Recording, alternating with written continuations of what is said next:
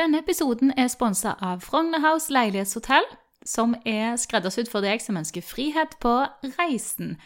Nydelige leiligheter i alle typer størrelser, på veldig sentrale steder både i Stavanger og Oslo. Du kan bo der en natt, du kan bo der et helt år. Det er helt opp til deg. Sjekk ut frognerhouse.no for eh, ditt neste opphold i Stavanger eller Oslo.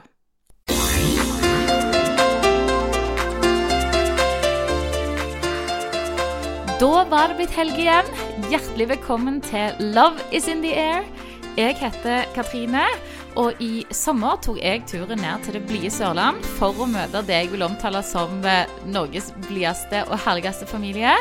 Monica Nyhus og hennes skjønne gjeng. Hvordan de er bak fasaden, på privaten, det og mer om bryllup og kjærlighet og familielivet får du i dagens pod.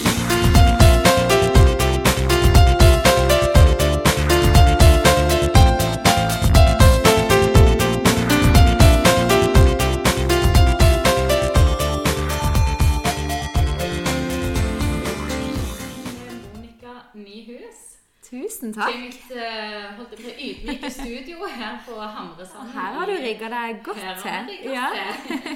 Foran oss nå her på Nå sitter vi egentlig og har plassert ungene, for her er det Ja. to mothers eh, on duty, på en måte. Dette er helt uh, nydelig. Mm. Dine barn tar vare på mine barn. Så jeg tenker bare vi må bare møtes oftere. Faktisk. Og til og med så har vi lite, bitte lite vinglass på Ja. Og det var, jeg var jo veldig ydmyk da når ungene bare rett ut døra. Så var det bare Du, skal vi bare ta oss et glass vin? Hvorfor ikke, sier jeg. Det er sommer. Ja, ja, det Helt nydelig. Og er jeg helt føler nesten jeg sitter i Syden. jeg. Sitter og ser på denne flotte stranda, Hamresanden, Ja. som dere bor jo faktisk Vi bor du egentlig mann. Chris, da. Ja, Ja. meg og min mann Chris, vi bor eh, Vi er så heldige å ha denne stranda rett ned i hugget. Så det er vi veldig, veldig takknemlige for. Det er jo veldig fint her. fantastisk, er det ikke det? Det er veldig fantastisk. Nå har vi pratet om at vi sier Ja. ordet 'fantastisk' veldig mye, begge oss to. Så eh, Ja. dere får bare bære over med oss hvis Ja. det blir eh, mye veldig flott og fint og fantastisk. Veldig flott og fint. Ja, men det, jeg tenker det må folk Det må, tåle. det må de tåle. Fine ord. Ja, Ja. det er det. Du, eh, jeg har gleda meg kjempemye til å møte deg. Jeg har jo fulgt deg selvfølgelig i sosiale medier, både deg og mannen. Og dere, er jo, dere byr jo på dere sjøl der, så vi føler jo litt at vi, at vi kjenner dere, selvfølgelig. Men Det er jo så hyggelig. vet jo hvordan det er at det vi ser, det er jo ikke nødvendigvis eh, Det er liksom noen små sånne glimt av en ellers litt kaotisk hverdag, liker jeg å si. Og um, Ja, vi har gleda oss. hvem er. Monica Nyhus? Hvem er Ja, si det. Hvem er jeg? Um, jo, jeg er en jente fra Sørlandet. Alltid vært veldig glad i å dele sånn selv før sosiale medier. Så har jeg liksom alltid vært utrolig glad i å ta bilder og dele ting. Og så sosiale medier for meg har jo på en måte egentlig vært en veldig sånn fin, eh, fin greie. Men jeg er født og oppvokst her i Kristiansand. Eh, fant min mann i 2010. Og eh, det var egentlig etter vi faktisk hadde gått på skole sammen, men egentlig ikke hatt noe særlig kontakt. Og så gikk det vel ett år, så forlova vi oss, og så gikk det to år, og så var vi plutselig gift. Eh, så ja. Men hvem er jeg? Jeg vet ikke, Det er sånn vanskelig spørsmål. Ja, hvem er du? Hvem er du, Katrine? hvem er du? Jo, nå skal du høre. Nei, men Det det var sånn bare litt greie. sånn kort, fordi at dere Ja. har jo da Altså, du har jo en um, Instagram-profil, og mannen din òg, men dere Ja. eh, på en måte jobber jo med rett og slett å Ja. um, ta fine bilder og, og Ja. Det er jo noe vi absolutt ikke hadde trodd sånn fra starten. Um, så vi, vi prøver egentlig å pushe alle vi kjenner som på en måte deler litt samme interessen. Der man bare vet du hva, Nå må du bare komme deg på sosiale medier og gjøre noe. For dette det er jo en veldig fin måte å trø ut av A4-livet hvis man ønsker det, og faktisk gjøre noe litt annerledes. og og kjøre på med sin egen greie. Og det der å stille seg sjøl spørsmål liksom, ok, hva, hva vil du, hva brenner du for, hva gir deg glede? er liksom sånne spørsmål man kanskje ikke stiller seg sjøl så ofte. Og det går liksom litt sånn i ett ikke sant, i hverdagen. Og, og jeg føler på en måte at den tida vi lever i nå, gir oss eh, muligheten til å kanskje plutselig få lov til å gjøre det vi har lyst til. Det vi drømmer om. Og, ja, så det er litt sånn klisjé fra Sørlandet. Veldig fint. Det må jeg jo si at jeg var jo veldig spent på om du, hvordan du var i virkeligheten. ikke sant? Ja. For at man danner seg jo et bilde Ja, ja. gjennom de der sosiale medier, men du er jo akkurat like ekte som du er gjennom kanalen din og Det er jo veldig hyggelig. Ja, kanalene Jo, men det er jo det som er så fint, det er jo sånn som vi snakket om tidligere, bare det med at nå har vi på en måte òg stories, ikke bare bilder. Ja. For det er jo veldig fort at man kan For du begynte med blogg? Ja, jeg begynte med blogg, og så fant jeg ut at eh, Instagram var liksom der jeg følte at min inspirasjon lå, da. Så det var liksom gøyere å dele bilder der. Men så igjen så kan jo de bildene bli litt misforstått noen ganger, og folk kan kanskje tenke at alt bare er fint og bra hos oss, og det er jo ikke det jeg ønsker at folk skal tenke. Jeg vil jo at folk skal kunne relatere seg til oss. Um, og stories der så kan man vise kaoset, og man kan vise utfordringene, og man kan ta folk med på en historie, da. Og ikke bare vise de fine bilder. Yeah. Um, så det syns jeg er litt gøy. Så jeg syns på en måte den utviklinga, og nå da med podkast, at man kan prate litt mer og vise litt mer hvem man er, og at man er jordnære, fine folk, det tror jeg er veldig sånn Ja, det er veldig viktig for oss Ja, for det er klart det der ene, det der ene bildet i, i feeden, eller Ja. et blogginnlegg òg, når du Ja, har ja, redigert, valgt ut, og Ja. du skriver de noe med omhu. Veldig kontrollerbart. Veldig kontrollerbart, Ja. Og da får jo folk et visst inntrykk. Men denne storyen Jeg bruker det jo mye sjøl, og jeg syns jo det er helt okay. fantastisk. Og Det det, er det. det er jo Jeg tror det er derfor vi er jo kanskje av og til har eh, klart å liksom slappe av når vi ser på TV eller hører på radioprogrammer. ikke sant? Det å bare kunne av og til slappe av. Og nå føler jeg at, eh, at man kommer tettere inn på mennesker, da. Så det er jo kanskje grunnen til at sosiale medier går så bra. For man føler liksom at man blir tatt med under overflaten og blir kjent med folk, da. Ja. Um, og så er det jo noen er jo veldig heldige og har en stor familie, masse venner. Og så er det kanskje de òg som da kanskje savner mer mennesker i livet sitt. Og da er det så fint å kunne bli kjent også via sosiale medier. Så det er liksom vår sånn en passion, da. Og jeg er så, så glad for at du sier akkurat det, fordi at nå, sant, man har jo de der debattene hele tida. Man har jo snakket Mm. Ja, om dette før ja. eh, telefon og i opptak og sånt. Ja. Mm. det der med at det er så negativt Men ja. jeg sjøl òg har jo networka og blitt kjent med så utrolig Ja. Mm. mange på grunn av eh, Instagram. Og det er så gøy. Eh, og igjen da, hvis du sitter og føler deg litt alene, at Mm. du føler du faktisk har folk rundt deg. Man får nettvenner. Ungene mine nå har jo begynt Ja. å få nettvenner. Ja, altså, det er jo jeg hadde jo brevvenner, jeg, da. Ja, jeg hadde jo brevvenner. så vidt Det er så koselig. eh, Ja. Vi senere i dag, faktisk. Nei, er det sant? Ja. Er det sant? Så vi møttes Justøy bibelcamping, faktisk. Nei, så sinnssykt kult. Ja, så vi var brevvenner. Ja. Fortsatt. Nå går det jo litt lengre tid mellom hver gang vi møtes, da. Men det er jo Men, helt nydelig. Hvor gammel var du da når du fikk Rosenbreven? For det var jo da mange år mange siden. år siden. Ja. Det var da jeg var liten, når vi, når vi reiste til, til Bibelkampen på Justøy. da. Mm. Så Så det var utrolig barn, sånn som ungene mine nå. Og så begynte jeg å ta toget. Nå tok jeg toget til Kristiansand i går med ungene. selvfølgelig de er på tur. Og så. Kjørte vi forbi Snartemo, det er det som er stoppet hvis du skal til Farsund. Så så fikk jeg skikkelig sånn gode barndomsminner. Eh, så Så vi drev og tok toget til hverandre og var på overnatting. Er Og? Ja, Kjempekoselig. Så, så det å Det ha finne nettvenner er jo på en måte Ja, nåtidens brevvenner. ikke Ja, jeg tror man glemmer litt at man er jo mennesker man Ja. sitter og prater med. Ja. For det er fort at man bare Hvorfor sitter du og prater til en mobiltelefon? Nei, jeg prater faktisk til folk. Jeg prater til mennesker akkurat sånn som du og meg. Ja. Så jeg syns det er en sånn en veldig, veldig fin, fin Jeg fin synes greie. Det. Og det der med at du bare Selvfølgelig blir mye negativt òg. Mm. Ja, det kan ja, ja. være at du, du blir sittende inne. Men samtidig, hvis valget var at du faktisk ikke har noen, da, så er det jo bedre at du får lov å snakke med noen og har venner. eh, Og det er utrolig viktig. Ja, og så tenker jeg det er viktig å bare liksom ha en viss kontroll på barna Ja, sine. At man er flink med at ok, nå kan du kanskje sitte en time, og så er det det. Så må du ut, og så må du leke og, Ja. og dette her. Men Jeg jeg tror de aller sånn fleste for foreldre har jo et sunt forhold til dette. Ja, det tror jeg også. Ungen din sitte Ja. hele dagen fra morgen til kveld, så er jo ikke det bra. Men de fleste gjør jo ikke det. Nei, det er det de ikke gjør. Så jeg tenker at det det er utrolig mye mer positive sider enn negative, syns jeg. Og så er det litt hva man velger å fokusere på. Selvfølgelig. Mm. Og dere er jo flinke. Jeg ser jo på selvfølgelig det dere legger ut i feeden, er jo utrolig Ja. flott. Altså, Ja. det der, hvor, hvor lang tid bruker dere på å ta et bilde? Du, altså, tingen er at, og det er jo det jeg har prøvd å lære noen, noen ganger, jeg har skrevet innlegg om det, fordi at det tar egentlig ikke så veldig lang tid hvis du vet hvilken redigeringsprogram du skal bruke. Og jeg tror det viktigste sånn i feeden da på Instagram, det er jo at du på en måte har en fin flyt. Ja. At bildene er redigert i samme type stil, ikke sant? sånn at du føler at du scroller nesten litt sånn i et magasin. Ja. Um, og for min del så har jeg valgt å holde feeden eh, inspirerende og fin. At du faktisk kan sitte og bla nedover i fine bilder. Mens på Story så er det mer ufiltert, og er, vi prater om veldig mye rare ting. Og da, viser vi alt mulig. Ja, nei, off, jeg synger jo ikke fint, men jeg, jeg er veldig glad i å synge. Og så tenker jeg sånn, om man synger fint eller ikke, så er det bare bra å kunne dele ting man er ja, ting man syns er gøy, da. Ja, Og det bare by på- litt mer på seg sjøl. Ja, det ser man jo på kommentarene på Ja, er følgerne dine òg, at det virker som det er veldig gode følgere du har. Å, de er så nydelige. Ja, jeg er veldig takknemlig, og det, jeg tror det er veldig viktig å vise det. Og uansett hvor man kommer i livet, at man alltid setter pris på veien man har gått. da. At Hadde det ikke vært for følgerne mine, så hadde jo ikke jeg kunnet hatt det livet jeg har nå. Nei. Og det, er et, øh, altså det jeg på en måte setter mest pris på, er jo den tiden. At jeg har tid med barna mine. Og Ja. tid til venner og familie. Og ja, litt tid til meg sjøl. Mm, at ikke det er det der kaoset og jaget, da. Og det Ja, deilig. for dere har jo tre tette. barn. Ja, tre barn. tette barn. Tre på tre og et Så halvt år. selvfølgelig Ja. komme inn på bryllup og sånne ting etterpå, men, fortell Ja, litt. ja. Er Navn på barn og Ja, eh, vi har tre gutter. Eh, Leonel, som er seks år, og så Matheo, som er fem år, og så Emilio, som nettopp nå fylte tre år. Ja. Så de er tresko, sånn som meg. trapp, tresko. Akkurat sånn som dine nydelige barn, som Ja, var utrolig gøy å treffe. Og det var så skjønt. og så Nå sitter jo som sagt vi inne i en eh, leilighet her på Hamresand Resort, og så så Ja. ungene våre som gikk. Mine begynner jo på da snart tolv, og så tripp trapp ned igjen. Den Og det er jo bare helt nydelig. Så nå sitter vi og ser på de nede Og det er jo det som er så fint, å kunne lære barn å være åpne. Mm. Og ikke være redde for nye mennesker. Jeg tror det er så viktig, og det, det er jo noe de kanskje får litt sånn inn med en da, med å kunne Sånn som du, da, som bare tar med deg alle tre på tur, og på Ja. jobbtur.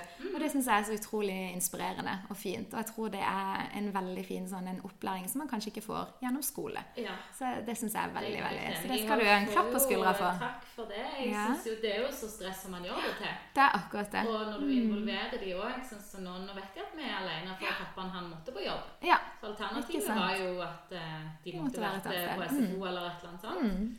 Så, så Og det å stille de spørsmål Hva hadde jeg lyst til? Hadde jeg lyst til å gå i barnehage og SFO, eller hadde jeg lyst til å være med mamma på jobb? Det var et spørsmål jeg tok i dag tidlig, og da var det klart at de ville være med meg. Ja. og det er jo veldig hyggelig. Og så blir man litt sånn Å, Så det var koselig. Så syns jeg det er kjekt at ungene ser at det faktisk mm. går an. Og Mm. det går an for mamma å jobbe Det er utrolig fint. Og. Det er veldig, veldig, veldig fint. Så Nei, dette er Men bra. du, eh, nå må vi jo høre litt grann om for, eh, for du har jo sikkert blogga litt grann om dette bryllupet. Tid, eh, for det første, Chris er jo da mannen din. Ja. Eh, hvor var det dere, Du sa jo dere gikk på skole sammen, så egentlig visste Ja. dere hvem hverandre var. ja. Når vi gikk på skole, så var jo på en måte altså Jeg hadde kjæreste, han hadde kjæreste. Det var liksom aldri noe sånn Vi gikk ikke i samme gjeng i det hele tatt. Eh, han gikk eh, et trinn over meg på videregående.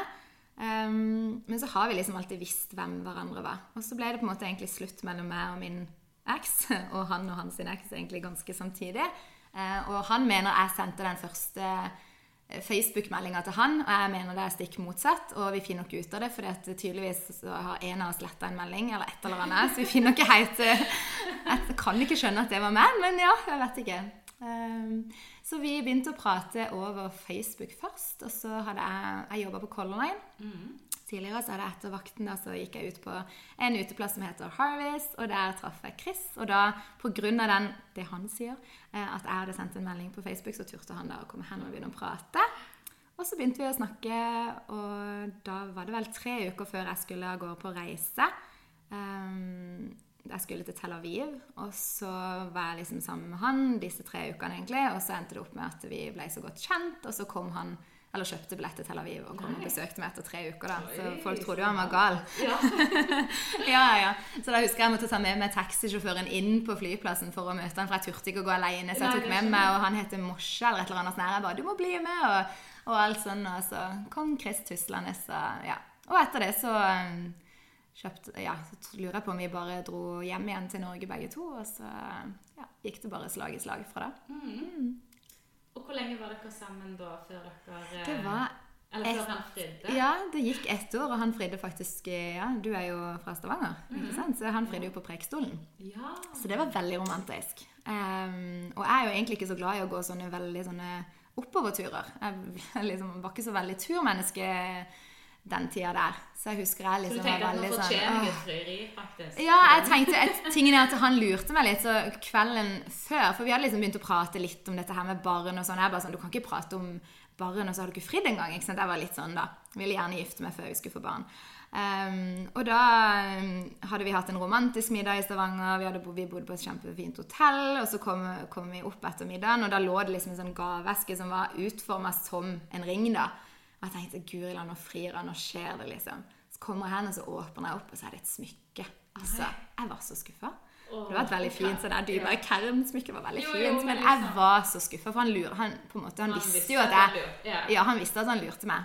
Så jeg var litt sånn furten. Og så husker jeg fra båten over til vi skulle til Preikestolen, så var jeg skikkelig sånn her åh, du bare Nei, nå, dette her gidder jeg ikke. Og jeg var skikkelig sånn furten hele veien opp. Og han stakkar da var jo han rigga med både champagne i sekken og ringen og alt mulig. Og jeg klagde og klagde, og han klarte å holde seg. Så kom vi på toppen, og da var det en eh, eh, Han ga liksom telefonen til en og spurte om han kunne ta et bilde av oss. Så, Men da istedenfor bilde så skulle han filme, så han hadde hviska at han måtte filme. Og da ser du hele frieriet, og at jeg bare tar begge hendene over ansiktet og bare detter ned. Det var godt ikke jeg falt utfor, men jeg liksom falt det bare ned. Og ja, Så det har vi på film, da. Så det er veldig koselig. Å, koselig. Det må jeg få. Ja, det kan jeg sende deg, vet du. Ja, at vi har ikke delt det. Vi har faktisk ikke delt det ennå, så det er litt sånn, det er veldig gøy. Han holder på å lage noen videoer, men det tar litt tid. Det går jo i ett, så Ja, ja, det er akkurat det. Og da var det Ja, ett år etter det så gifta vi oss, og da var jeg vel seks måneder, eller 22 uker på vei med vår første sønn, Ja. Leonel. Mm. Så det har gått veldig fort. Ja. Bryllupet har vært veldig viktig for oss begge to, egentlig. Og vært en sånn en drøm siden jeg var ei lita jente. ja, det var det jeg lurte på. Har du det? Og ja, om det har. Altså bryllupsjente? Veldig bryllupsjente. Ja. Var veldig sånn klar over at jeg ville ha sånn Askepott-kjole, og det var liksom Ja. Var veldig sånn jeg drømte meg borte. Ofte så kunne jeg ligge som jentunge og bare tenke sånn Jeg lurer på hvor min fremtidige mann er, og hva han gjør akkurat nå. Sånn er Nei. teit øyeblikk. Ja. Sånn ser på film? ja. Jeg lurte på hvor han var, og hva han gjorde. ja. Så jeg har liksom alltid vært litt sånn her romantiker, tror jeg. Og hva tror du eh, Vi snakket om det før vi for nå, Chris han, han er ikke her nå, men hva tror du han tenkte om deg liksom første gang han så deg? tror du? Har han sagt det, eller Ja, var det liksom kjærlighet ved første blikk begge veier? Altså, dere visste jo på en måte Dere visste jo hvem hverandre var, men dere Ja. var opp til. Så Ja, ja.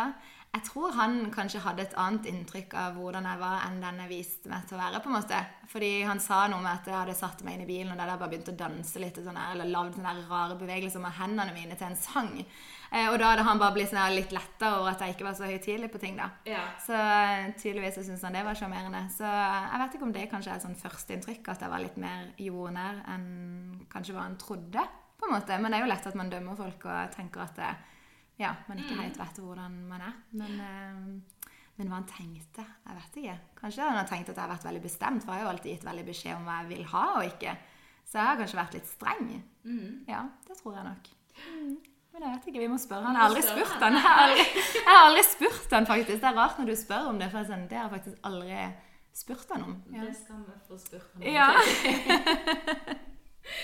Du, Ja, og så ble du fri til. Og så tenkte du da Nå skal vi gifte oss. Hvordan skal dette her bryllupet være? Hva var det Ja. du drømte om da, når du så for deg dette bryllupet? Altså, når jeg- ja. Kjole.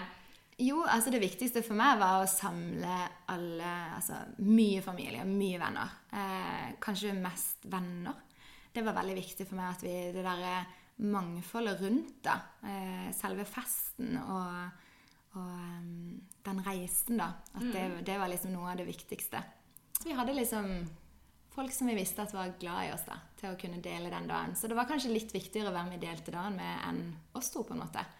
Ja, det tror jeg. Mm, det var liksom viktig for meg. Ja, og det er jeg så glad for du sier, for det at vi har jo i det siste holdt jeg folk, eller Brudepar gjør jo mye ut av bryllupet sitt mm. nå i dag. Kanskje enda mer enn før. Dere gjorde jo faktisk det Ja. da òg, så dere var jo egentlig Vi litt tok jo litt av gårde, ja. Ja. Mm. Så det skal vi få, få høre litt mer om. Men jeg opplever jo òg det som bryllupsplanlegger, at det grunnen til at parene gjør det de gjør, det er jo ikke nødvendigvis bare for seg sjøl. Selvfølgelig tenker man jo på seg sjøl, og det skal man jo alltid gjøre. Det oppfordrer jeg jo egentlig alle på. Men litt det der med at man- ja. ja.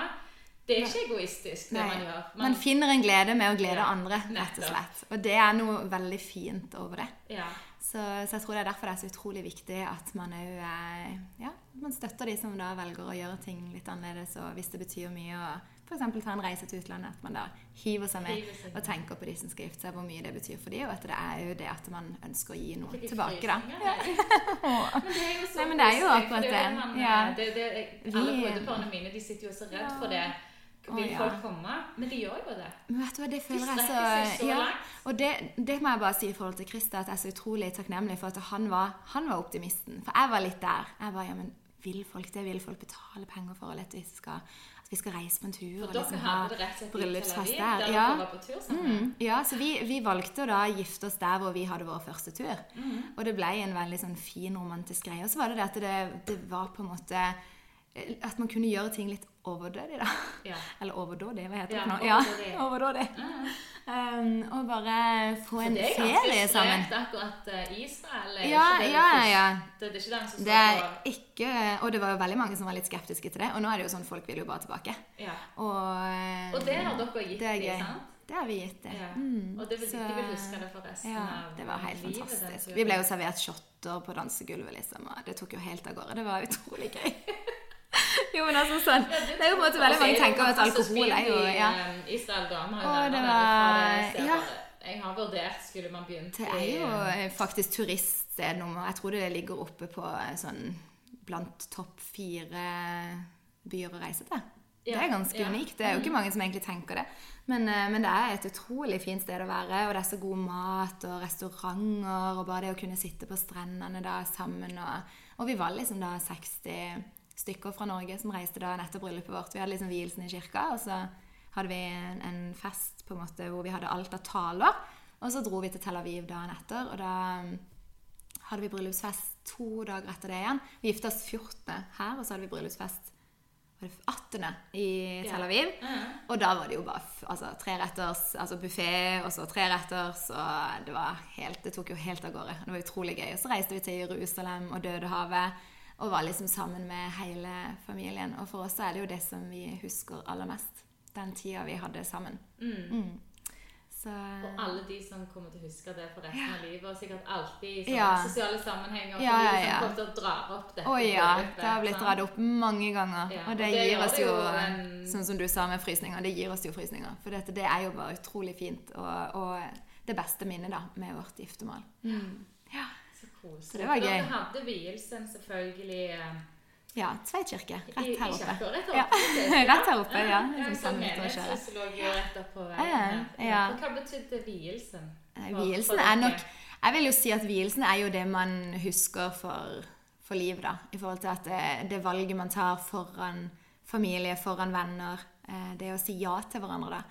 Akkurat det Ja, og det å stå bak kirkedørene, og du vet at alle sammen sitter i kirka og venter og reiser seg idet du kommer, og så står mannen liksom og venter der oppe, og det var helt sverre Det var, det var veldig, veldig unikt og veldig fint, og noe jeg vil huske for alltid. Så vielsen betydde for oss veldig mye. Kan du fortelle litt om vielsen? Sånn sanger, og vi snakket litt om Ja. Husker hva tekstlesning dere hadde? Ja, vi hadde Tekstlesninga var på en måte veldig sånn klar, og det var liksom det med at kjærligheten er tålmodig. Eh, alt, altså Det var jo da korinterne Vi prøvde jo å se i stad. men Korinterne 13. Kjærlighetens høysang. Kjærlighetens høysang. Ja. Eh, så da var det min lillesøster som, som leste opp den, og det er jo, da kom jo tårene med en gang, husker jeg. Men litt sånn, verdens lest. mest eh, ja. bibeltekst i Men det er bare så fint. Av en grunn. Alt. Ja, av en Ja. god grunn. Um, og så hadde vi min kusine som sang en uh, sang. eh, 'Du er alt' av Sonja Aldén. Ja, hvordan? Um, Nå kan jo du Ah! en god unnskyldning, bare litt. det er jo den 'Du er alt jeg noensinne ønska, du er alt jeg noensinne drømt'. Den går på liksom hva man ønsker og man drømmer om. Altså, um, den er bare helt nydelig. Så den kan jeg anbefale til brudepar som ønsker en sang som virkelig så ja, som på en måte Hvor teksten er veldig på hva man ønsker da med en partner. Hva Ja. som er viktig. Ja. Og så er det jo på svensk òg, så det, det ble jo litt er nærmere enn det på engelsk. Ja, ja, ja, ja. Mm, ja. ja. den er nydelig. Den er helt nydelig.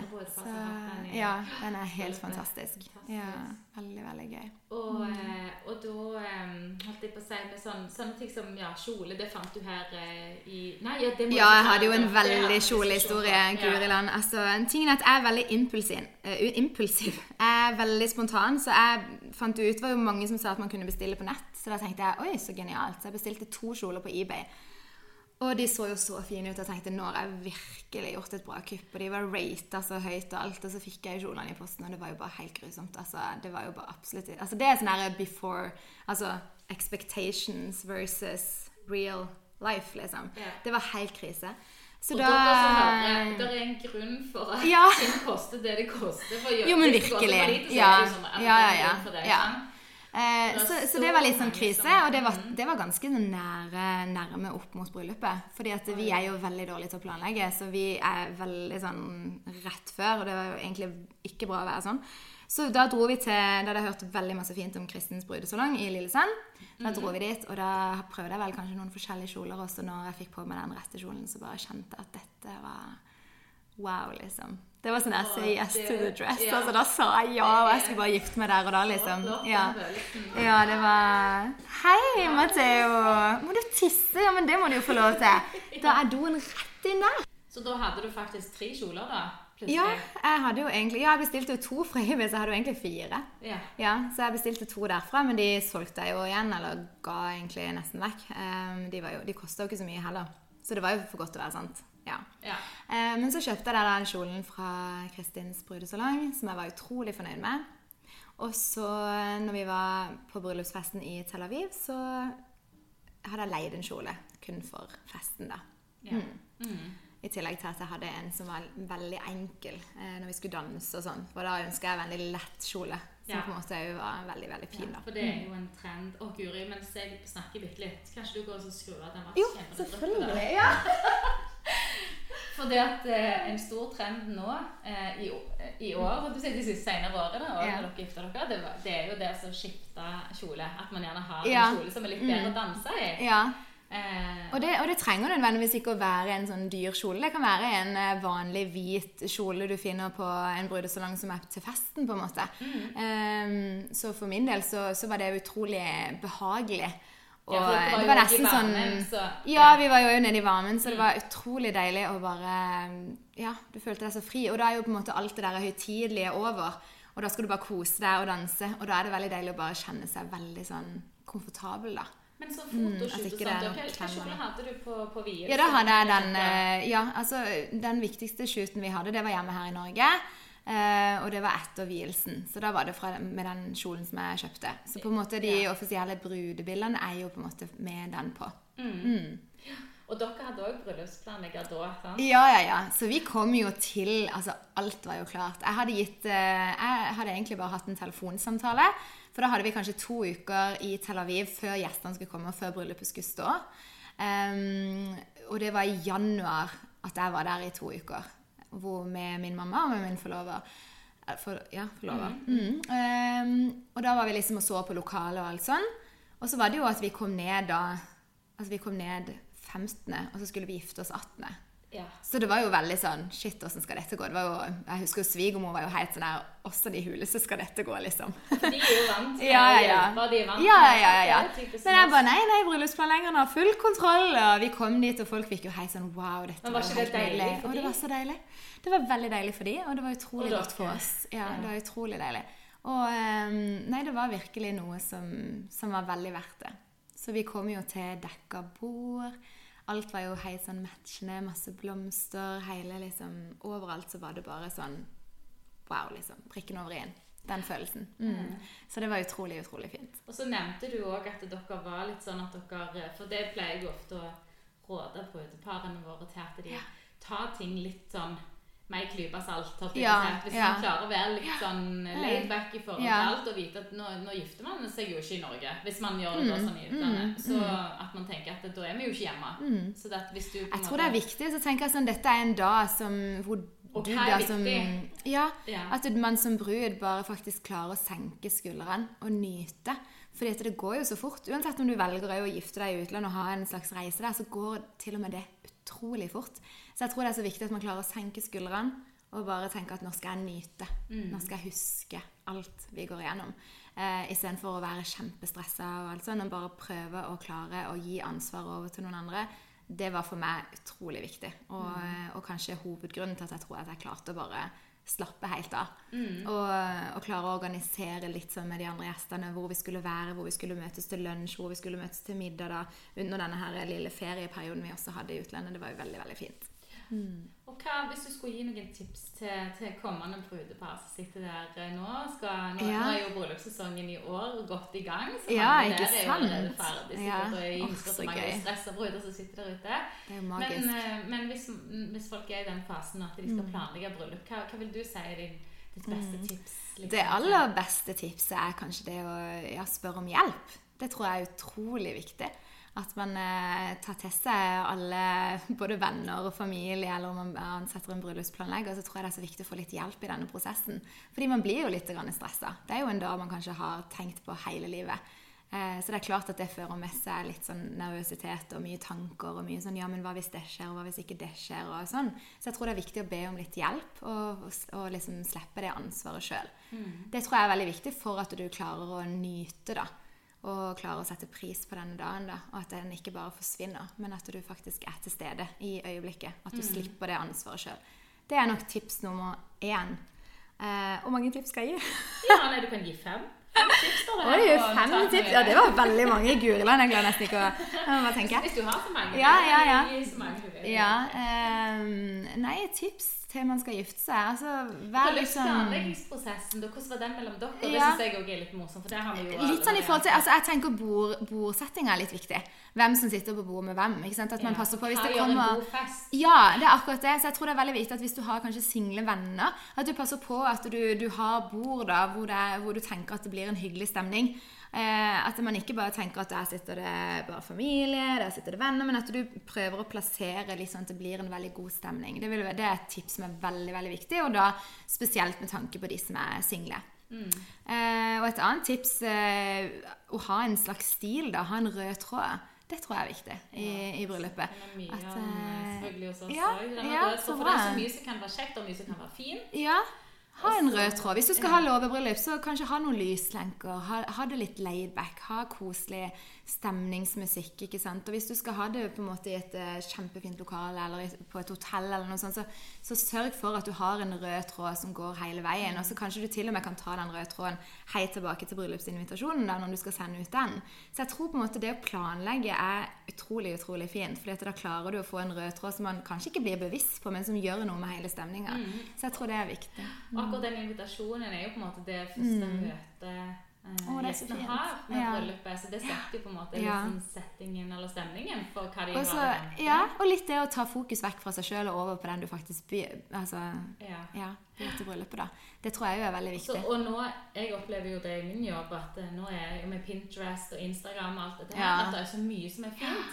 Ja. Folk blir så forvirra. Mm, det er For det altfor er mye. sånn- Mm. Veldig mange som Eller ikke veldig mange, men det er noen som kommer så har man planlagt at sånn skal Ja. det være, og så plutselig rett før Nei, du, vi vil heller ha Eller mikse ulike stiler, for det, Mm. det er fint, nei, det er òg fint, ja, det er også fint. Ja, ja, Da får man sånn ja. inspo-boards når jeg ber om bilde. Kan du sende hva, hva brudebukett er det du ser for deg? Så får du Ja. 15 bilder av helt Ja. ulike. Helt ulike, ja. Og det er egentlig ikke noe På en måte så er det positivt hvis man klarer å bruke det Mm. på en bra måte, men det er for mye inspirasjon. Jeg tror det er viktig, jeg tror det er kjempeviktig å ha én type stil. Ja, og bare Eh, velge. Har du gått ja. for det, bare gå for Ja, det. for eksempel sånn som I vårt bryllup så var det veldig mye hvitt og grønt. da, I blomster og i veldig mye som, som gikk rundt. Det var liksom en, en, en stil på en måte Ja. som var veldig veldig fin. Um, så jeg tror det er veldig viktig at du velger den stilen du vil ha, og holder deg til det. Sånn at det blir en rød tråd. Det tror jeg er utrolig viktig. Og det andre er jo også faktisk å ha en dialog med mannen eller dama du skal gifte deg med. At du på en måte er jo liksom Ok, hva er viktig for deg?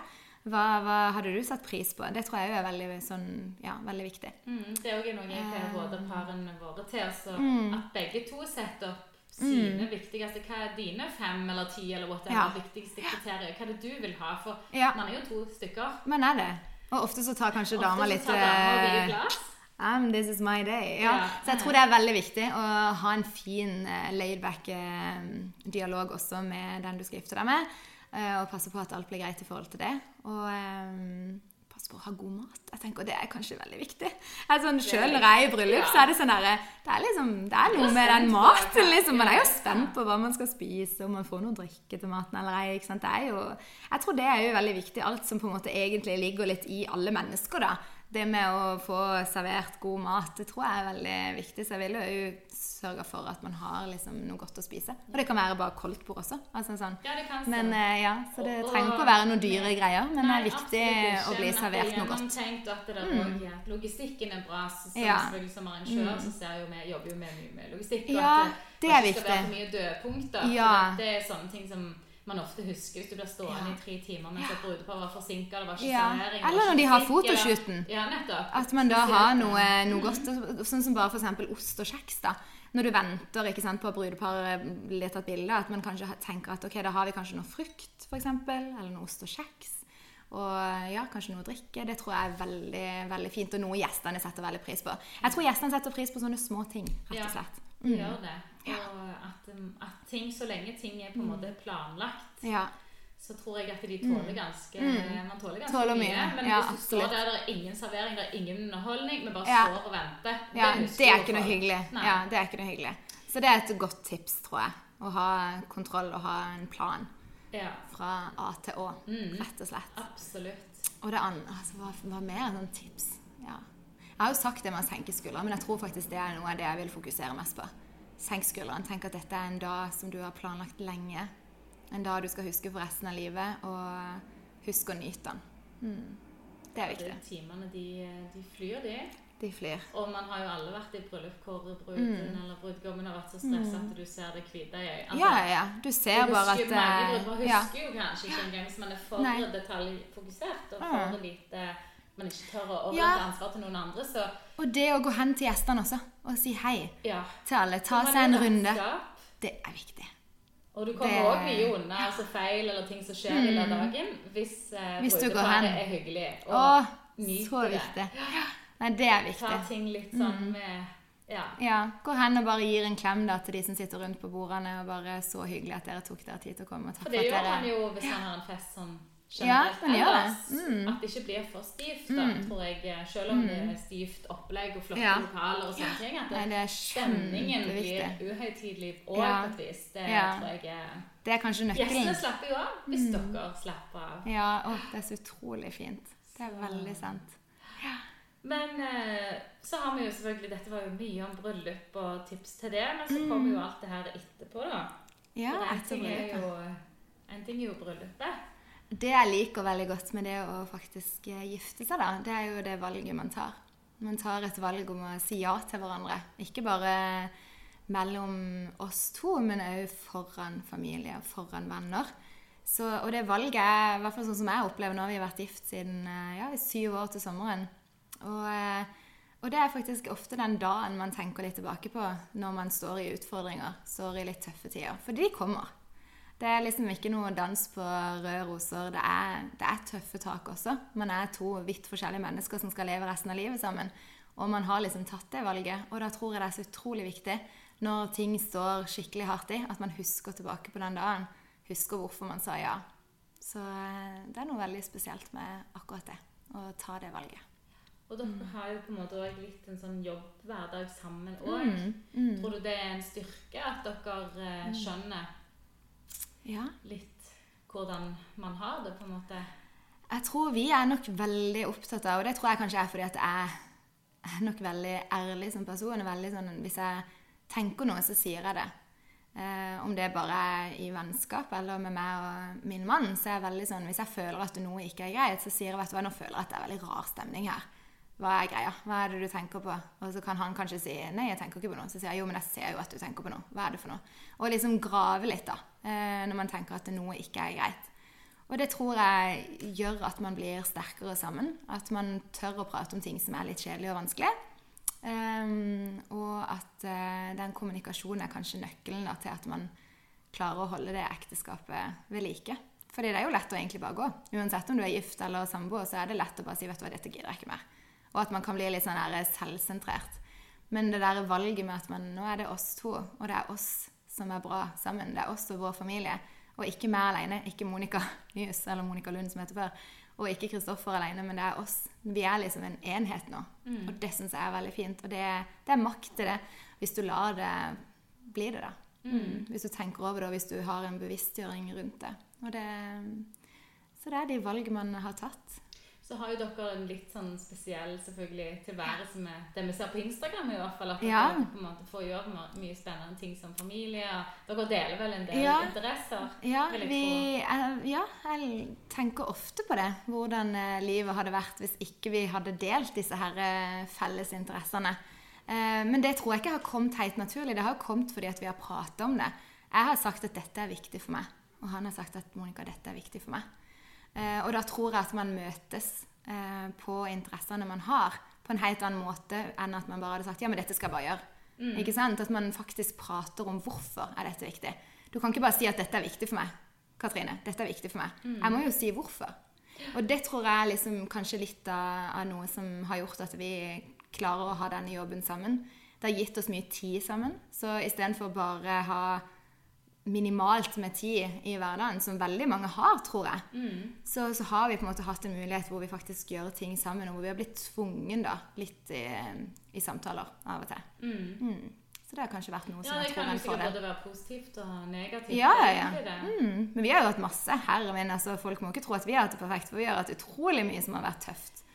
Og hatt gjerne kanskje i hvert fall sånn to år hvor jeg bare tenkte 'Å, Gud', liksom. Ja. Og hvor han òg tenkte det. Mm. At dette er skikkelig tøffe tak. Fordi livet skjer. Og uansett om man vil eller ikke, så skjer det ting i livet som, som man ikke alltid mm, føler at man klarer å takle. Men så handler det om å være tålmodig. Og så, så bryllupsdagen for oss har vært en sånn en Tenk tilbake på det, liksom. Ja. Det har vært en fin sånn en til å kjempe videre. Mm. Mm. Og så blir det alltid så greit. For når tida går, og man på en måte velger å Om det er å tilgi hverandre, eller å velge å bare ja, ta en strek over det, så, så blir det plutselig veldig bra igjen. Og så er man så glad for at man sto sterkt da, sammen. Mm. Så det var mange gode tips. Ja, så bra! Ja, men altså, de der tipsene er kommer ofte på eh, slutten. Det er er rosévinen som kicker inn, og så bare OK, nå skjer det. Nei, men det er jo akkurat det at eh, man blir jo veldig opptatt av de der detaljene. Og da Ja, betyr det. ikke de blomstene egentlig så mye. Nei. Og det er kjærlighetsspråk. Det må du ha en sånn podkast om en gang. Man har forskjellige kjærlighetsspråk, og det tror jeg jo er viktig. Vite hva partneren din setter pris på, dukke ned i perspektivene til hverandre og forstå hva som er viktig. Jeg er ikke så veldig opptatt av gaver, f.eks. Så hvis min mann kommer med blomster til meg, så er det ikke sikkert det er et tegn på kjærlighet. Jeg opplever det ikke som det. Men hvis han kommer hjem og sier vet du hva, wow, jeg setter så pris på at du, alt du har gjort i dag, så opplever jeg det som kjærlighet. Og da blir jeg utrolig glad, og da får han sånn creds i mine øyne. ikke sant? Ja. Så, så det at han lærer seg mitt kjærlighetsspråk Og man har fem kjærlighetsspråk. Så det, men det kan, man, det kan du ta en annen gang i en annen podkast, for det er veldig interessant. Men man er ulike. Man har fem forskjellige. Og, um, og jeg tror det er veldig viktig at man vet hva som betyr noe. Hva oppleves som kjærlighet, og hva oppleves ikke som kjærlighet. Hva, hva er de fem, da? Du har um, eh, nummer én som er gaver.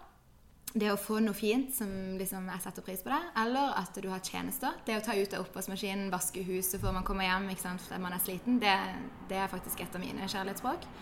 Eh, og så har vi anerkjennende ord, som også er et av mine. Som er liksom komplimenter, det å si fine ting. Og veldig ofte så, så gjør man mye av det man sjøl trenger. Man gir mye av det man sjøl trenger å ha tilbake. Og så har du eh, fysisk berøring, som er f.eks. bare det å kile, eller ja, det seksuelle, eller det kan være bare det å være til stede, gi en klem. ikke sant? Fysisk berøring. Og så har man også tid for hverandre. Eh, og dette er for han, han som har skrevet boka, heter Gary Chapman. Og han er bare Altså, dette har vært litt sånn revolusjonerende for veldig mange par, og også i forhold til morsrollen, da. Hvordan er bare den forskjellige? De trenger forskjellige ting. Og man må tilnærme seg ut ifra hvordan de opplever kjærlighet. Og det er så sinnssykt viktig. Um, så tid for hverandre og gaver og um, ja, de to for eksempel er ikke så veldig viktige for meg. Mens tjenester og anerkjennende ord er utrolig viktig. Så, så det er liksom det er viktig å faktisk da lære hverandre å kjenne i forhold til det. Mm. Syns egentlig det var ganske fine avsluttende ord. Ja, så bra. våre igjen, de lurer på hva tid er vi Ja, de har åpna døra sånn her sykt mange ganger. Her, Jeg skal si dere jobber, liksom. Vi jobber knallhardt. liksom. Vi jobber så hardt, gutter. Det er greit. Det er greit. Og her kommer fly, fly, flyene holdt jeg på å si flygende inn, fordi Hamresand Resort det ligger rett, ved. Kjevik flyplass. På altså en fantastisk Skal selvfølgelig slippe noen bilder og litt sånn Ja. Og vi må jo legge ut noen bilder av um, Det må vi gjøre. Det er jo utrolig koselig. og- koselig. Mm. Ja, dele litt grann, hvis jeg kan få lov, eller vi kan få lov til Selvfølgelig. det. Å ja. Vi er ikke så beskjedne på det. Nei. Nei, det var ikke det som slo meg først. Nei, Nei, det det er skal vi. Men skal vi ikke få se noen Det- ting? ikke Nei, det ting, gleder ja. meg til å se. Men, det ja, så bra. Men tusen takk, Katrine. Dette var veldig hyggelig. Det var skikkelig koselig. Virkelig. Eh, Så må man jo bare si lykke til til alle kommende ja. Ja, kommende Alle som skal skal gifte seg. Uansett hva fase de er i, og ikke minst eh, tiden etterpå. Jeg synes det var Tida etterpå er veldig viktig. Fortsette å prate sammen og være åpne med hverandre. Det er veldig viktig. Oh. Tusen hjertelig takk. Så, Så tror jeg vi skal ta med en ny pod senere om der. Ja, det hadde vært veldig fint. Ja, tar vi en kjærlighetspod. Ja. Det er sikkert mange som lurer litt på det. Det tror Det er litt sånn Oi. Så, eh, Så bra. hilser så masse til mannen din. Ja, det skal jeg gjøre, vet du. Så får vi høre med han litt senere, det der med siste Ja. hva han egentlig tenkte om deg. Hva han egentlig tenkte, ja, det er sikkert stikk motsatt av det jeg har trodd at han har tenkt. Ja. Det er utrolig koselig. Takk skal du ha, Monica. Veldig hyggelig å være her. Takk, Tusen takk til dere som lytta i dag. Og så høres vi igjen neste uke. Ha det bra. Ha det bra.